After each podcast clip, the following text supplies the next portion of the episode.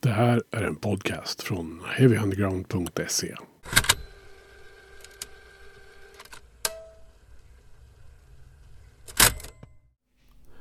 Så, nu så ska vi be oss till intervjun med punklegenden Mart Helgen. Eh, min relation till de lyckliga kompisarna är typ snart 30 år lång. Eh, jag tror jag upptäckte de här 91 i samband med Les med en fotomodell. Eh, och jag har lyssnat ändlöst mycket på De Lyckliga Kompisarna. Och speciellt de två första plattorna. Eh, Les med fotomodell och Tomat. Tomat som nu naturligtvis, som ni alla vet, släpps på vinyl av Birdnest Records. Efter en fantastiskt framgångsrik crowdfunding-kampanj man hade för att släppa Karate 77s Grisfesten och Dia Salmas gryningstid samt då Tomat med De Lyckliga Kompisarna. 30 000 var målet. Man fick in typ 250 000. Så det blev fler utgivningar från Birdnest på vinyl vad jag har förstått. Men nu så ska vi bege oss till växthuset i Västerås. Där jag träffade Mart som hade eh, som var så pass snäll så att han faktiskt tog bilen och åkte från sitt hem i Sala. För att träffa mig och prata lite om eh, bandets historia. Om eh, sig själv och om mycket annat som ni hör i den här intervjun. Eh, vi börjar någonstans och prata om eh, hans första minnen av musik. Alltså jag vet att när jag var riktigt liten och kanske var fem år och hade lärt mig bokstäverna så skulle jag och farmor skulle städa farsans och morsans vinyl. Alltså, de hade en massa EP-skivor som låg utspridda hemma i något skåp. Och en dag hade vi väl ingenting att göra och så fick jag lära mig att skriva. Vilka bokstäverna då var de Elvis Presley och Nils Daka och sådär. Ja. Så gjorde vi små pappomslag till de där skivorna. Nina och Fredrik. Harry Belafonte. Det var det absolut första. Jag brukade spela de skivorna på grammofon. De var väl inte så rädda om de där plattorna. Det var väl mer som en övning. Ja. Det var det. Men hårdare musik då? När kom du in på den? Eller har du någonsin varit inne på hård musik? Kanske man ska ställa ja, den frågan ja. istället. Jo, men jag hade ju, när jag flyttade till Tumba sen så träffade jag och lärde känna ett par brorsor där som heter Erik och Bosse. Det var när vi gick i femman, fyran sådär. Eller ja, vi gick väl i trean kanske först. Jag och Erik gick i samma klass. Deras Eriks storebrorsa Bosse, han hade några tuffa kompisar som lyssnade på Kiss. Och sen, hade, sen var jag hemma hos en annan morsans bekant vars barn spelade Sweet för mig. Och på, på landet också var det en granne som lyssnade på Sweet. Ja, så det, då blev det Kiss och Sweet istället för ABBA och Beatles. Mm. så morsan lyssnade på det. Farsan. Och du började spela själv? Ja, men det var väl Eriks och Bosses farsa som tyckte att det skulle... Eller jag spelade i och för sig piano hemma. Mormor hade ett piano och morsan hade ett piano också. Så jag satt mig och klinkade från när man var så här... Ja, sex, sju år kanske. Eh, ja, det lät ju säkert förjävligt, men man satt ju i alla fall där och lekte. Sen så var det Eriks farsa som sa åt oss att nu får ni för fan bilda ett band grabbar jag ska hjälpa till att köpa en sånganläggning. Så köpte han några mickar och högtalare. Så hade väl Erik fått ett litet trums, ett gammalt trumset och sådär. Så förklarade han, det var han som talade om att man behöver en basist i en orkester. Och eftersom jag inte, jag var ju den som de hade ju redan bokat trummor och gitarr så började jag lira bas då. då. Först tänkte jag att jag skulle spela piano men nej, det vart ju inget bra. Så fick jag lira bas. Det var det som liksom... Ja, det var det som blev över liksom, kan man ju säga. Men idag tackar jag ju dem för det. Det var ju bra val. Ja. Mm. Vad är det med bas som är roligt? Ja, det är, man, liksom, man får en viss förhållningssätt till musiken att man spelar bas. Det är ett sätt att tänka om musik, mm. tycker jag. I och för sig märks det även på trummor trummor och bas är ju liksom lite grann samma. Så när jag får spela tillsammans med Jonis så är det gäller ju liksom spelar ju vi liksom mot varandra på något vis. Liksom så. Mm. Så när liksom blev det punk då av det hela? Ja, det var väl då den vevan när vi skulle starta band. När vi, det var 1979. Då var ju liksom det populärt med såna grejer som Noise och Gyllene Tider och Ebba Grön. Och då Ebba Grön, det var ju liksom ingången på något vis till punkrock. Första plattan när den kom. Och Beach Boys och... Vad lyssnade vi mer på? KSMB. Mm. Det tyckte vi var coolt. Mycket Ebba Grön och Beach Boys. Och sen så hade man ju några pol polare sådär som... Eller, nej, ja, eller så lyssnade vi på Nivåg. Mm. Det tyckte jag var coolt, för där, det, det lyssnade vi på. Där hörde man ju bra musik. Som liknade Ebba Grön då. Och sen en dag spelade de Bad Brains och Asta Kask. Och då var man ju kokt. Asta Kask har jag alltid varit lite rädd för. Ja, de, de, de har, låter alltid, har alltid låtit argast av alla. På något sätt. Ja, i, i svenska, svenska musikgenrer så... I den här genren så är de lite hårdare än, än oss, om man säger. De är lite mer råpunk på något vis. De har en fot i, i den svängen också på något vis. Mm. Medan vi kanske mer kom in från vis och Toy Dolls-hållet liksom i det hela. Ja. Och Ebba Grön. Vi var ju, jag vet inte.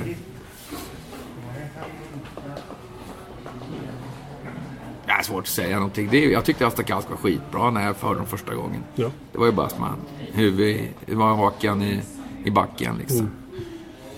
Likadant var det med Bad Brains när man fick höra dem. Det var bara wow. De hade en rätt frän blandning liksom av allt möjligt. Ja, jag gillar ju mest deras punklåtar. Deras reggae-låtar var ju bra också. Men, men det var ju liksom, jag gillar de snabba låtarna. Att det var ju väldigt liksom, vilket, de spelade ju blandade stilar på något vis. De verkar ju kunna, kunde ju lira liksom. Och drogs inte för att dra lite hårdrocksriff också. Nej, precis. Och så var ju Maiden jävligt poppis när vi var, när jag gick i högstadiet. Och det, när jag började jobba på fabrik sen efter skolan, då spelade de ju bara Maiden där. Det var det enda de lirade. Grabbarna på planetväxeln. Hela dagarna ut och in. Så det vart ju, då vart man uppfostrad i att lyssna på Iron Maiden. Bra tempo i den musiken att, jobba till kanske. Ja, Galopperande. ja, det gick undan. Ja. Vi var klara redan vid två på eftermiddagen, kunde spela Chicago i två timmar.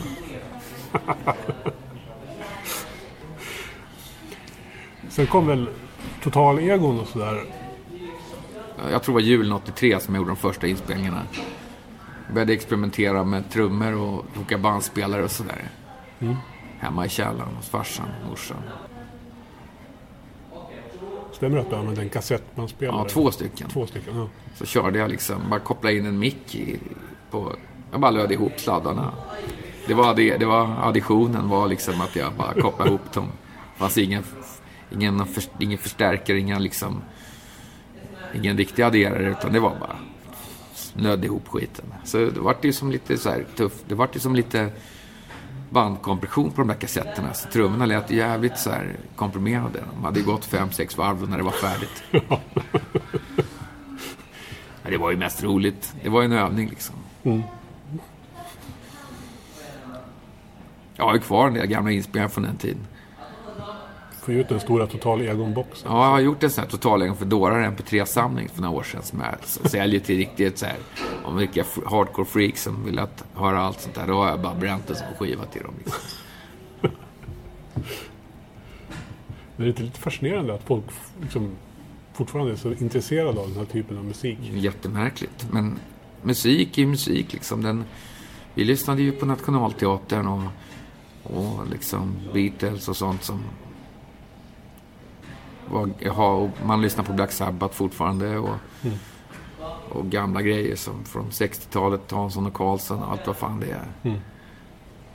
Det är liksom, man, när man börjar gilla musik så går man ju bakåt och gamla soulinspelningar och Elvis Presley och Chuck Berry och ja, det finns ju mycket som helst om man börjar leta. Och det är väl andra som gör också. Ja, Ja. ja, Man får vara tacksam. ja. Och sen kommer vi till Lyckliga kompisarna. Då. Ja, 89 började vi. det stora bandet eller vad man Ja. säga. Eh, hur, hur bildades det?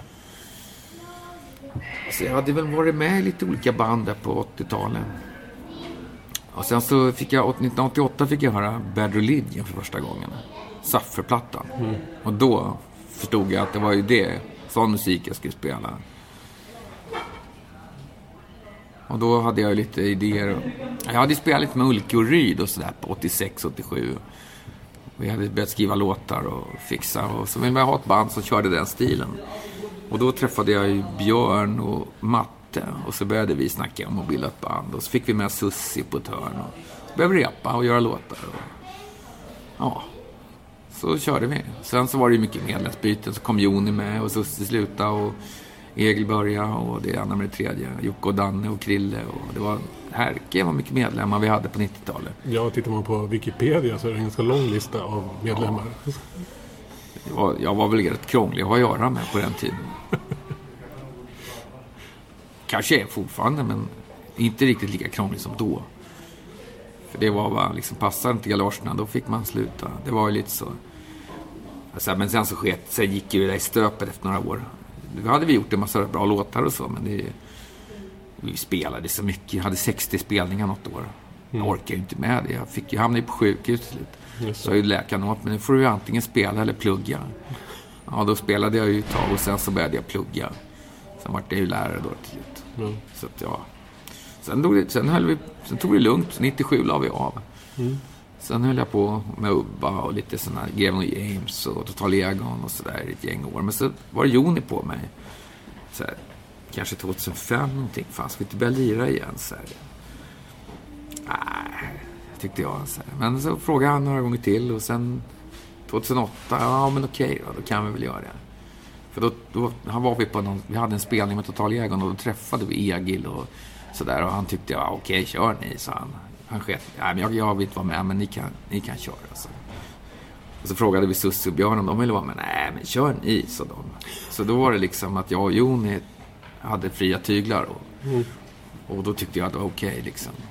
Och då frågade vi lite olika gitarrister som hade varit med förut, men alla sa nej. Men då, då plockade vi in Roger och en kille som heter Fredrik. Och sen så efter ett tag så slutade Fredrik så började Simon. Så har det varit sen. Jag har snarare varit fem år tror jag. Ja. Eller sex år nu kanske. Nytt svensk DLK-rekord. Ja, det är det ju. Lätt alla gånger. Men det är, vad ska man säga? Nu har det blivit stabilare än vad det var förr. Och man inser ju hur viktig Joni var för det vi gjorde på 90-talet. Ja. Faktiskt. När jag spelar med honom nu igen så märker jag att det är någonting som händer när man spelar med honom. Ja. Men om vi ser tillbaka lite på 90-talet där i början. Eh, det hände ju en hel del när det kommer till punkmusiken. Ja, det var ju massor med band. Andra våg eller vad man ska kalla Ja. det för. Där Kata Ja. och Diaz Alma och Strebers och Coca-Cola och Ja. Köttgrottor. Vet inte allt vad det var som Ja. turnerade runt, land och rike runt. Ja, det var, man kunde spela överallt. Jag, Ja, Folk gillade så musik och de spelade på radio, P3 och grejer. ja precis. Ja. Men hur upplevde du det liksom? Inifrån den här jättevågen som kom. Nej, vi hade väl hållit på och harvat några år och vi tänkte väl inte på det. Plötsligt började man spela musik som man gillar på radio. Nirvana kom och blev populära. Ja. Och de spelade hockeyfrilla på radio och fina flickor med racerbajs liksom. Nej, det var ju lite oväntat, det hade vi inte räknat med. Men man spela, spel, spela fick man göra. Ja, Så jag, jag lirade ju mest för att jag tyckte att, om just den här musikstilen. Det var inte meningen att vi skulle liksom bli kända eller sådär. Inte för att vi var så jävla kända, men du vet. Vi fick massa spelningar och sånt. Det hade vi inte. Men hade vi velat, ibland tänker jag så här. Hade vi velat bli kändisar, då hade vi ju aldrig spelat punk. Då hade vi ju försökt med pudelrock och med synt eller hårdrock eller allt möjligt. Men vad punk? Nej. Det var ju folk skrattade åt den på 80-talet. Så det var, det var väl med hjärtat. Liksom men drar man en större cirkel, du sa Nirvana, jag menar det var ju ett ganska stort uppsving för alternativ rock. Eller vad man ska säga. Det var ett skifte liksom på något sätt. Från 80-talet. Kanske hjälpte till lite grann med att... Ja, men så här i efterhand kan vi, det är kanske lätt att säga att Ja, men på 80-talet så, ja, det, det, den första punkvågen den slutade någon gång 86 när Asta la av liksom. Då var det färdigt. Då kunde det komma en pers på spelningarna på Ultrahuset när vi lirade. Men sen så efter några år så började det trilla in nytt folk och 91 så var det dags igen liksom. 92 sådär, 93. Det går väl i vågor. Svårt att säga. Jag kan... Jag vill inte liksom...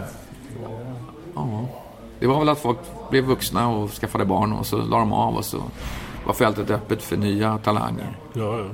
Jag vet inte. Nu hittar jag bara på. ja nej, men jag tycker att vi, vi håller oss till, till den förklaringen. Tycker Ja, jag. okej. Den lät rimlig. Ja. Fast ni vart ju lite nästan folkkära med hock- ishockeyfrisyr. Jo, men det var väl inte riktigt... Ja, kanske. Men det är svårt att säga varför. Ja. Jag liksom... Det, väl, jag, det var väl en bra låt, kanske. Tidsmak. Kom i rätt tid. På Sportradion tyckte de att det var kul. Ja, ja, det är klart. Ja.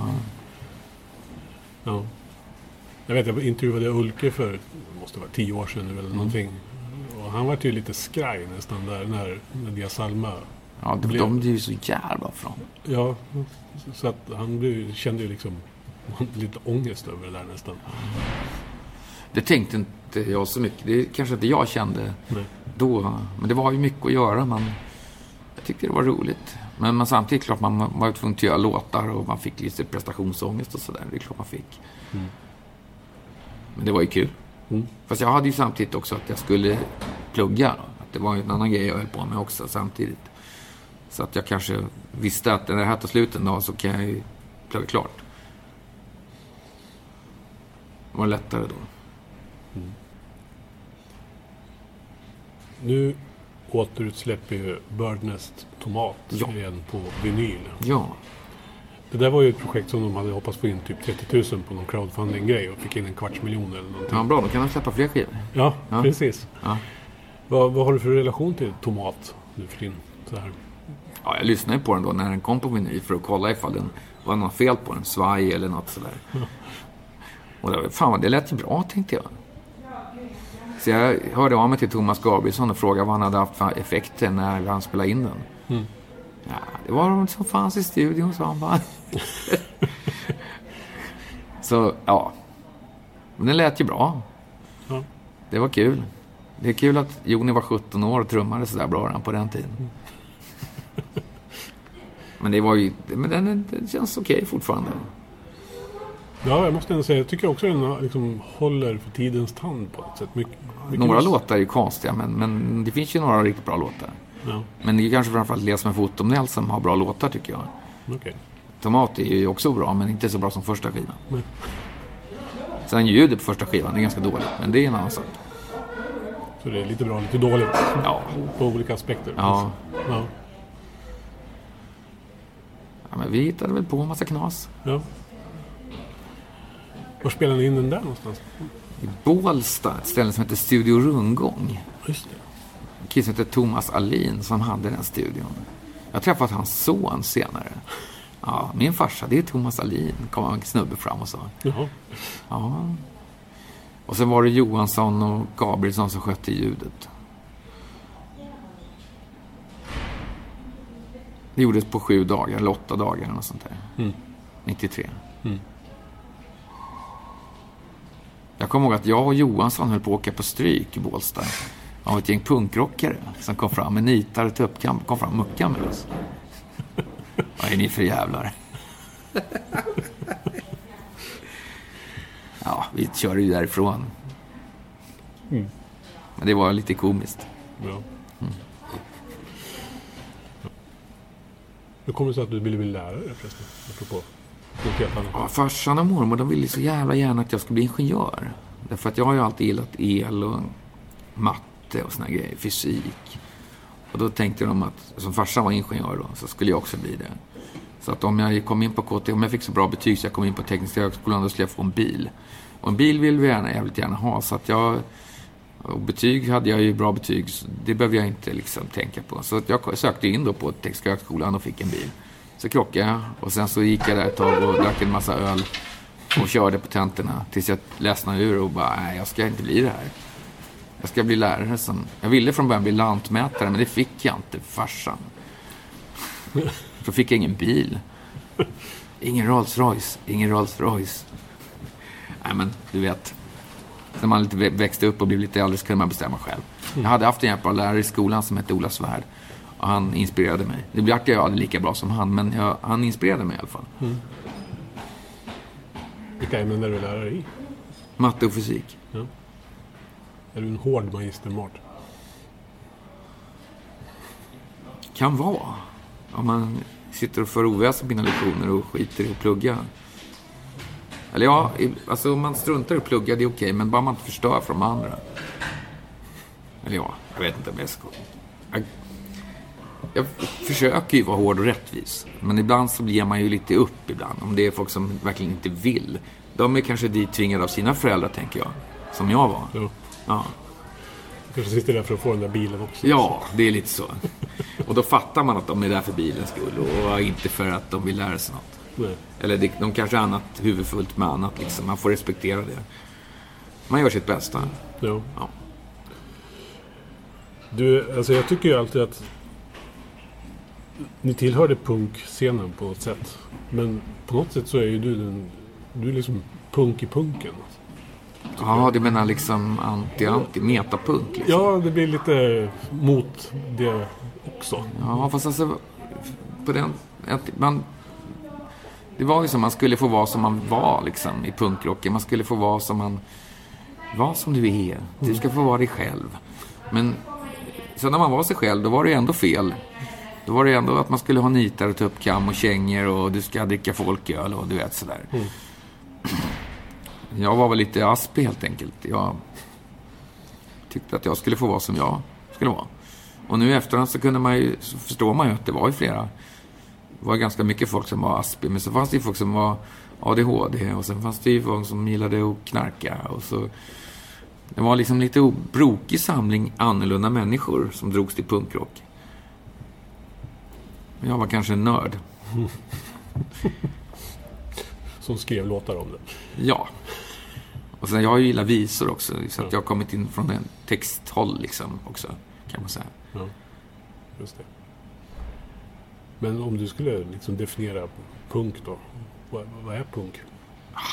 Det är en musikstil, ett klädmode och en filosofi. Det är tre saker. Vilken av dem är intressantast? Jag gillar ju musik. Sen så är det naturligtvis också intressant att utveckla sig, att ha, att ha varit med liksom i sådana kretsar där man diskuterar eh, hur ska man idag kallas det för normkritik. Att man liksom kritiserar att man måste vara på ett visst sätt och så. Det har ju liksom bidragit till min personliga utveckling och, och det är sådana tankar som jag tycker att andra borde också tänka. Och, men det här med utseendet och så, det har jag aldrig varit intresserad av. Fast det måste jag säga ändå att de, om det är några texter och så här, som är låtar som jag fortfarande, så här, vad är det nu, 25, 26, 27 år sedan. Ja, det börjar bli 30 på Ja, det. usch, ja. eh, fortfarande, de sitter liksom någonstans i bakhuvudet. Och jag vet att jag märker att de har påverkat mig i mitt sätt att se på saker och ting. Så är det ju. Det är liksom det är dina texter från den, de två första DLK-plattorna. Och det är Coca-Carola, mm. eh, Tigger och ber och sen Läckert. De två plattorna, de liksom, det, det tänker jag ofta på. De textrader som dyker upp från de där plattorna. Ja, Eh, Så jag vet inte, musik påverkar.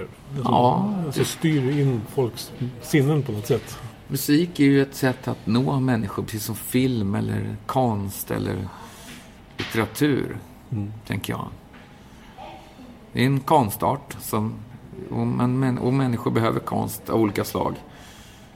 Så det är en del av det sociala, på något vis.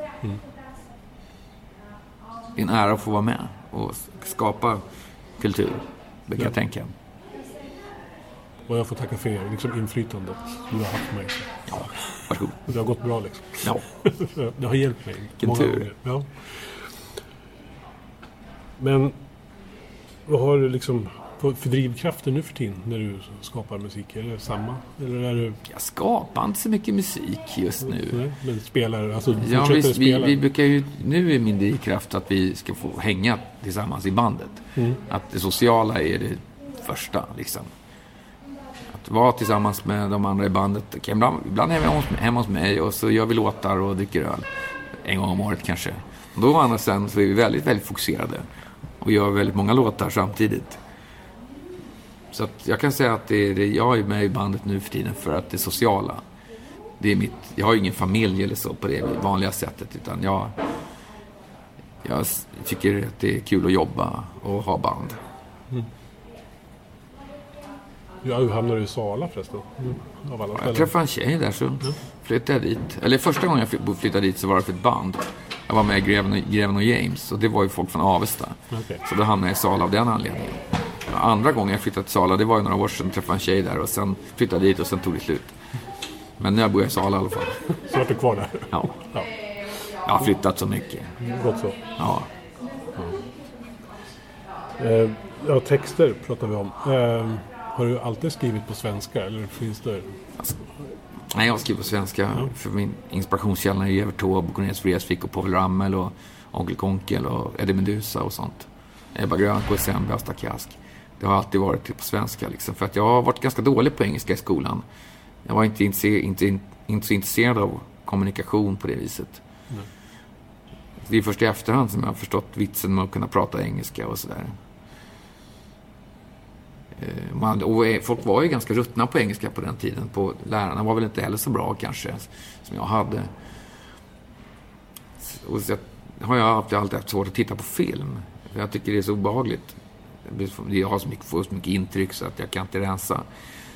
Så att jag har väl inte exponerat för engelska på samma sätt som många andra människor har gjort. Sen i efterhand, nu senare år, har man ju börjat lyssna på Clash och NoFX och engelska, amerikanska vissångare och ja, alla möjliga band på sjunger på engelska. Men det är liksom först på senare år.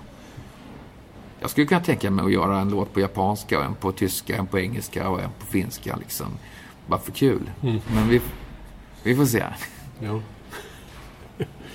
Vad har du för relation till det svenska språket och rent allmänt som, alltså som Alltså, jag- uttrycksform när man skriver låttext? Jag är uppväxt med en massa svenska lärare när jag var liten. Både morfar, min morbror och min moster har, är ju, har ju, eller är, är, eller har ju varit nu, för nu, de är ju döda.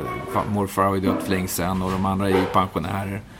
Men det var ju svensklärare allihopa. Så att de läste ju sagor och såg till att man skulle, och det var ju likadant med morsan och sådär. Det var ju liksom viktigt att man fick i sig kulturen. Morsan var ju mest musik kanske. Men alla de här, morfar var ju noga med att vi skulle få kulturarv liksom. Mm. Och även, och sen även då vissångare liksom. Morfar älskade Paul Ramel. Och morsan gillar ju Cornelis Vreeswijk och Fred Åkerström och sådär. Så att man har ju Evert Taube. Farfar älskar Evert Taube.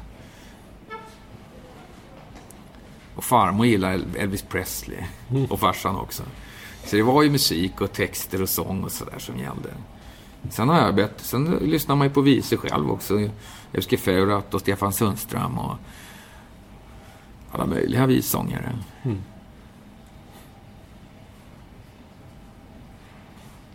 Jag tycker ju det är liksom så... Jag gillar den här texten i fokus. Som man berättar en historia. Mm.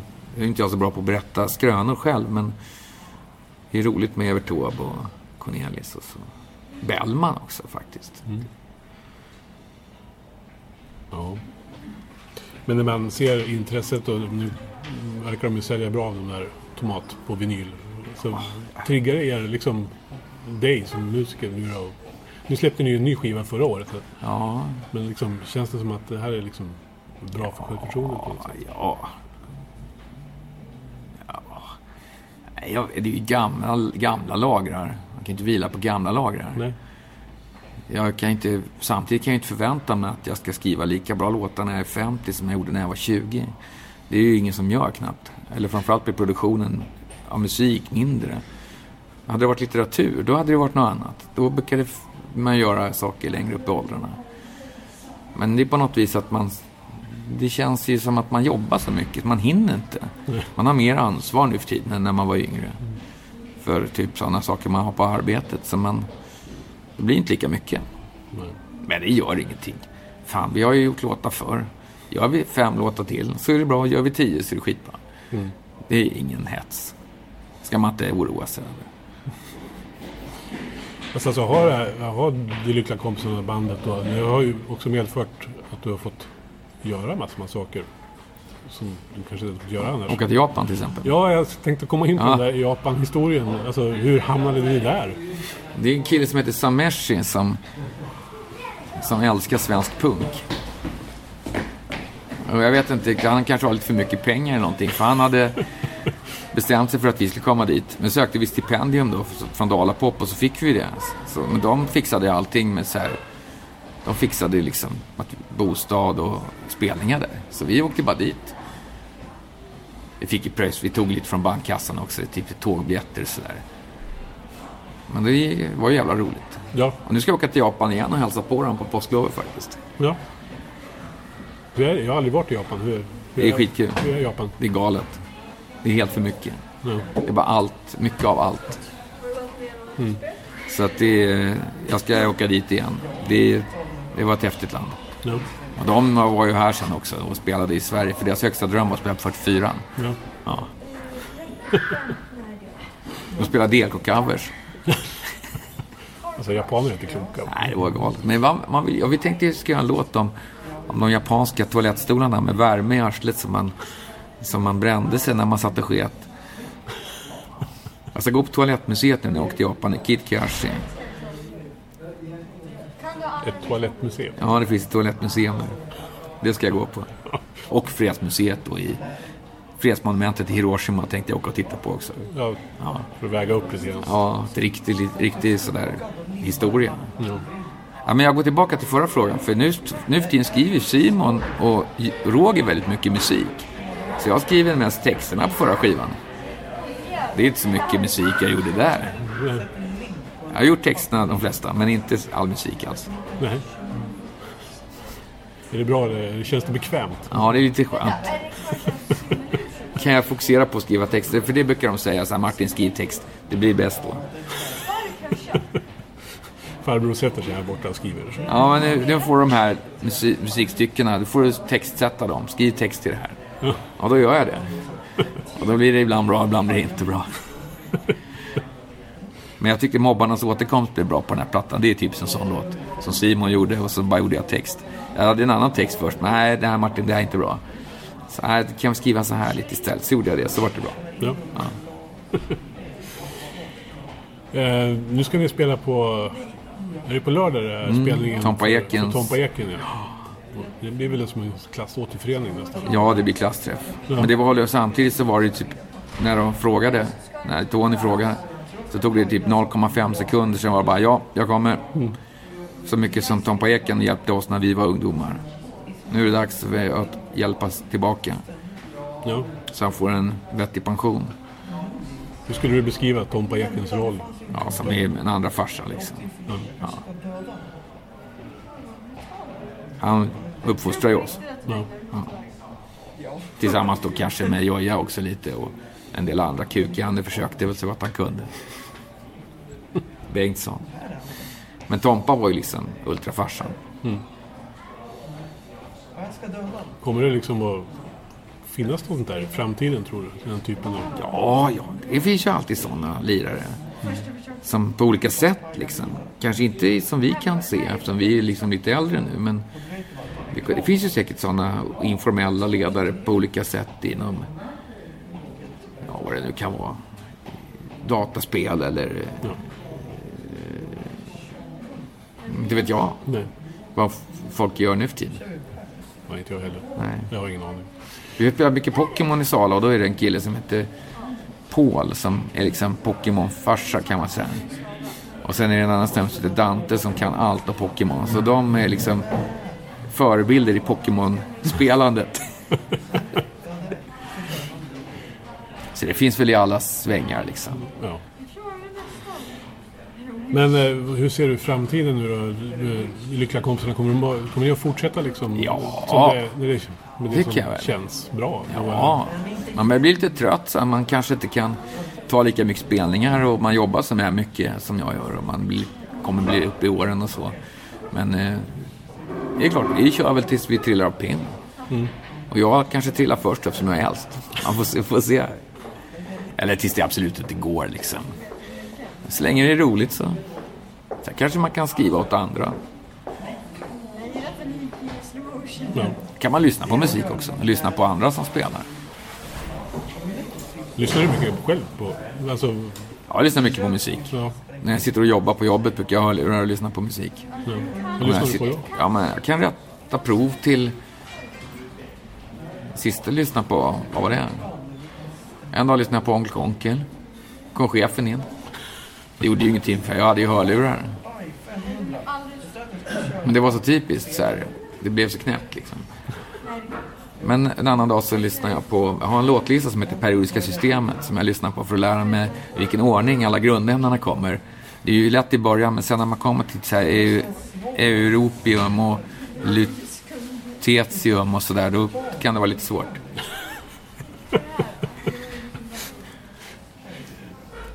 Ja. Och sen lyssnar jag på Maiden, Dio, Stefan Sundström. Ja, Ja. Visor och hårdrock. Punkrock. Du har lyssnat på en podcast från heavyunderground.se. Jag som säger det heter Magnus Tannegren och är den som producerar och intervjuar i den här podcasten. Vill du veta mer om det här avsnittet eller om podcasten i allmänhet? Besök heavyunderground.se eller leta upp oss på de sociala kanalerna på Facebook och Instagram. Tack för att just du har lyssnat.